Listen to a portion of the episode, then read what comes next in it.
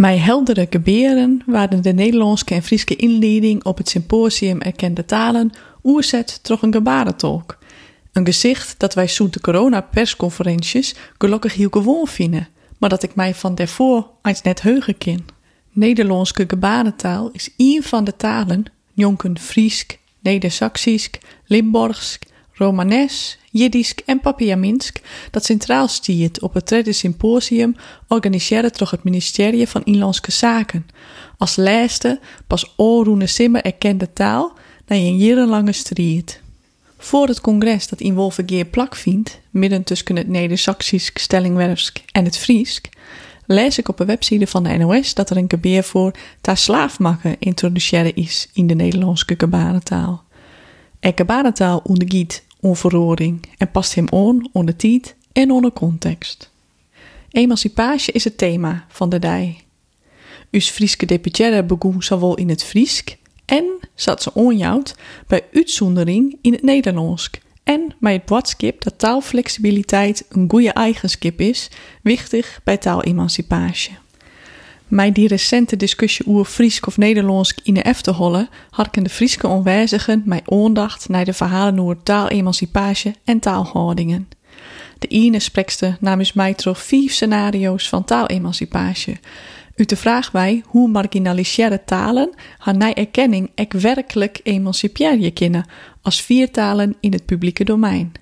Een nieuwsgierige vraag die dan nieuwsgierige reflecties laten. De orensprekste holt dus een spiegel voor ongeende uw staalgewoonten. Verbrekken wij of net? En waarom?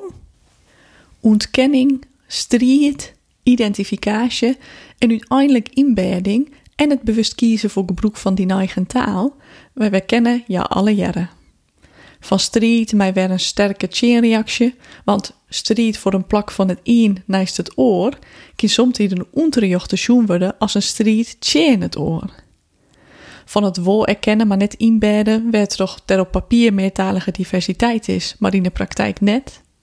Van taal broekt als chokken, als een hippe trend die het kwart en oervlakkig omjermerd wordt, zonder de onderliggende betjutting, cultuur, geschiedenis en weerde te omarmen. En uiteindelijk de inbedding, die betjut dat een taal ek werkelijk in het publieke domein viert wordt, net geen de dominante taal, maar dat is ek een wichtige en erkende taal daarnaast. Ek intuïtieve taal, die inzet wordt wanneer er geen sprake is van volslaande taalontwikkeling of standaardisering, jet daarbij. Intuïtie komt ek bij taalgewoonte naar voren ta, want minderheidstaalsprekers lezen vaak een oor om intuïtief te bepalen welke taal ze spreken, wordt dus verteld. Oornamen spelen je daarbij een volle gruttere rollen als wij ons bij tijden bewust binnen. Intuïtief varren wij daarop. Intuïtieve taal vind ik een mooi begrip. En een handig fenomeen, want weet ik wat net zeker, dan doch ik het intuïtief. En dat zul voor een soort mensen yielden. Zelfs de regels van het Nederlands, dat ik jaren geleerd heb, pas ik nou intuïtief, maar waarschijnlijk insletten in het onderbewuste ta. Ik moet tinken aan een eerdere professor, dat ik eer mij aan een Europees project werken. Wij zullen contact opnemen met een hege cultuurambtenaar in Rome. De professor, dat ik van wist dat er vloeiend Frans praatte, pakte de telefoon en begon animeren een peteer in het Italiaans, met de hoop uitkomst van tas zijn stiepen. Praat toch nou al Italiaans? zei ik vol bewondering. Nee, er, zei de professor, maar met een beetje gevoel en leeuwen komt een heel eind.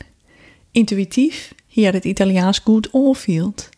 Mijn oorname en die van de ambtenaar in Rome, wie daarom dat er Italiaans koel.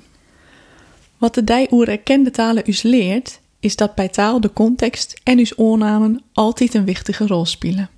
En die, die lezen wij mij eren of eigen al heel intuïtief.